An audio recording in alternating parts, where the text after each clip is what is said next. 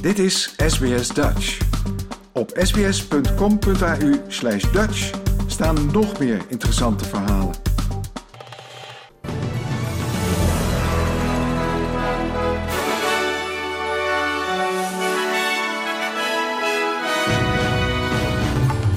Dit zijn de headlines van het SBS Dutch Nieuwsbulletin van zaterdag 19 november. Klimaattop met dag verlengd. Helft energienet Oekraïne plat door Russische bombardementen. En geen alcohol in stadions in Qatar.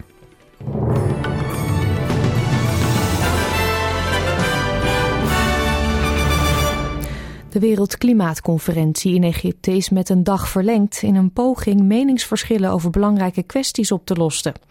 De twee weken durende conferentie, bekend als COP27, zou gisteren eindigen in de Egyptische badplaats Sharm el-Sheikh.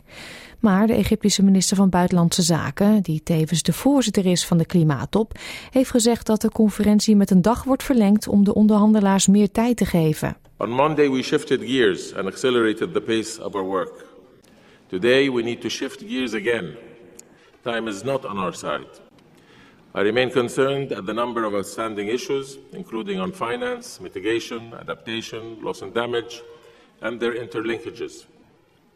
I call upon parties to urgently work together to resolve these outstanding issues as swiftly as possible, as the resolution will feed into finalization of the cover decision.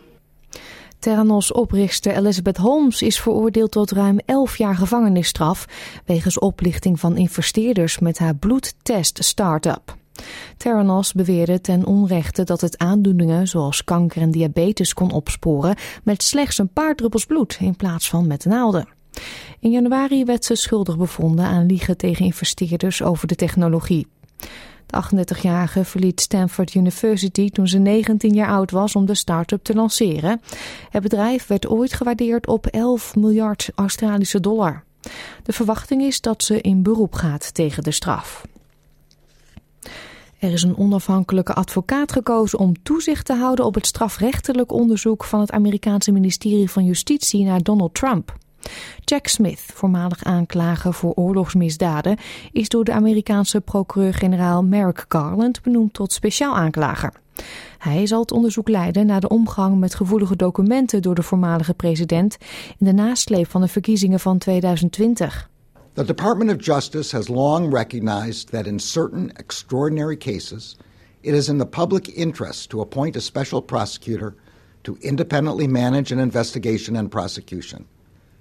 Based on recent developments, including the former president's announcement that he is a candidate for president in the next election, and the sitting president's stated intention to be a candidate as well, I have concluded that it is in the public interest to appoint a special counsel. Door aanhoudende Russische raketaanvallen is bijna de helft van het energienet van Oekraïne lamgelegd. Voor het eerst deze winter dalen de temperaturen en valt er sneeuw in de hoofdstad Kiev. Ingenieurs werken met man en macht aan het herstel van de energieinfrastructuur. Volgens Oekraïne waren de Russische bombardementen van de afgelopen week de zwaarste sinds het begin van de oorlog. De Verenigde Naties hebben gewaarschuwd voor een humanitaire ramp in Oekraïne als gevolg van de stroom- en watertekorten.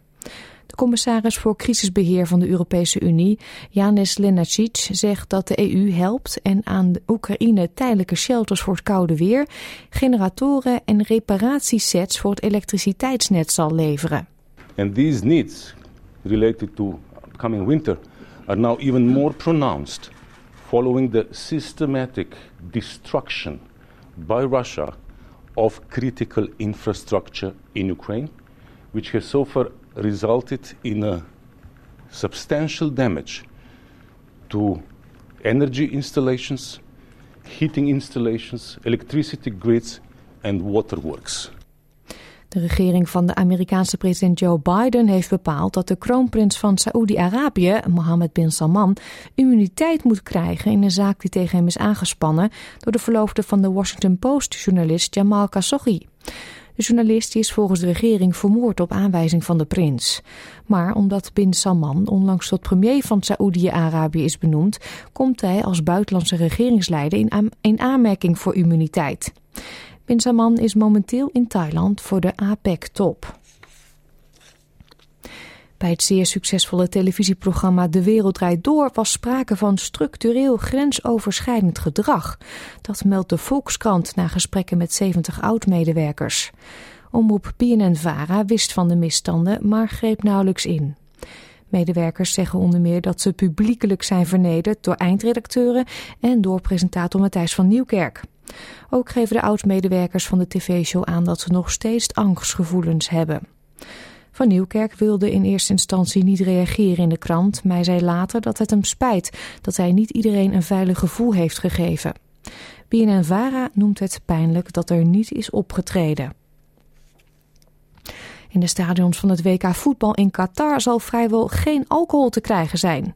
De FIFA bevestigt dat na berichten van een aantal internationale media. In het islamitische Qatar geldt al jarenlang een strikt verkoopbeleid. Alcohol mag alleen in hotelbars en in clubs worden geschonken tegen zeer hoge prijzen. Maar WK, met het WK mag het in speciale fanzones, maar niet in de stadions. Daar zal alcoholvrij bier worden geschonken. Het verbod heeft grote consequenties voor de FIFA, die wordt gesponsord door biergigant Budweiser. Volgens de New York Times geldt het verbod niet voor VIP-plaatsen in de stadions. Voetbalfans van over de hele wereld hebben gereageerd op het alcoholverbod in stadions. Isaac Garcia reisde vanuit Mexico naar Qatar om het WK bij te wonen. From the theme of the alcohol and that stuff, that's the kind of hard thing because you came to a World Cup and you think it's going to be a lot of party, the people, you know. So when you don't have it, we're going to look for it is, how is the fun with that. But it doesn't make a like it's demanding or it's just uh, necessary. But we, we will see how is the World Cup going. Meer sportnieuws. De Australiër Formule 1-rijder Daniel Ricciardo keert in 2023 terug bij Red Bull Racing als reservecoureur. De baas van Red Bull, chef Helmut Marko, bevestigde het nieuws op gisteren aan Sky Germany. Ricardo wordt de derde coureur, de backup als coureurs Max Verstappen of Sergio Perez niet mee kunnen doen. De 33-jarige Australiër zal ook meedoen met commerciële verplichtingen en demonstratieritten. Daniel Ricciardo race van 2014 tot 2018 ook al voor Red Bull. De afgelopen twee jaar reed hij voor McLaren, maar zijn contract werd in augustus in onderling overleg beëindigd. De wisselkoers dan. Voor 1 Australische dollar krijgt u 65 eurocent en 1 euro is op dit moment 1,55 dollar waard.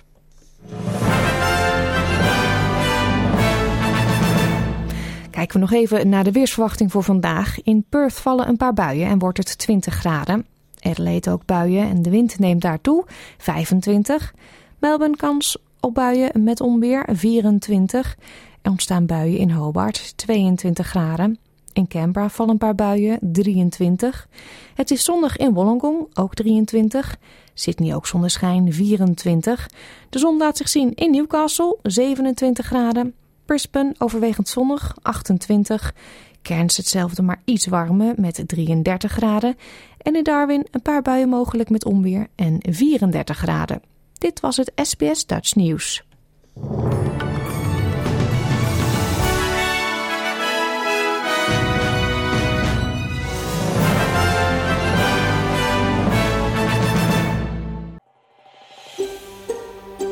Wil je nog meer soortgelijke verhalen? Luister via Apple Podcasts, Google Podcasts, Spotify of waar je je podcasts dan ook vandaan haalt.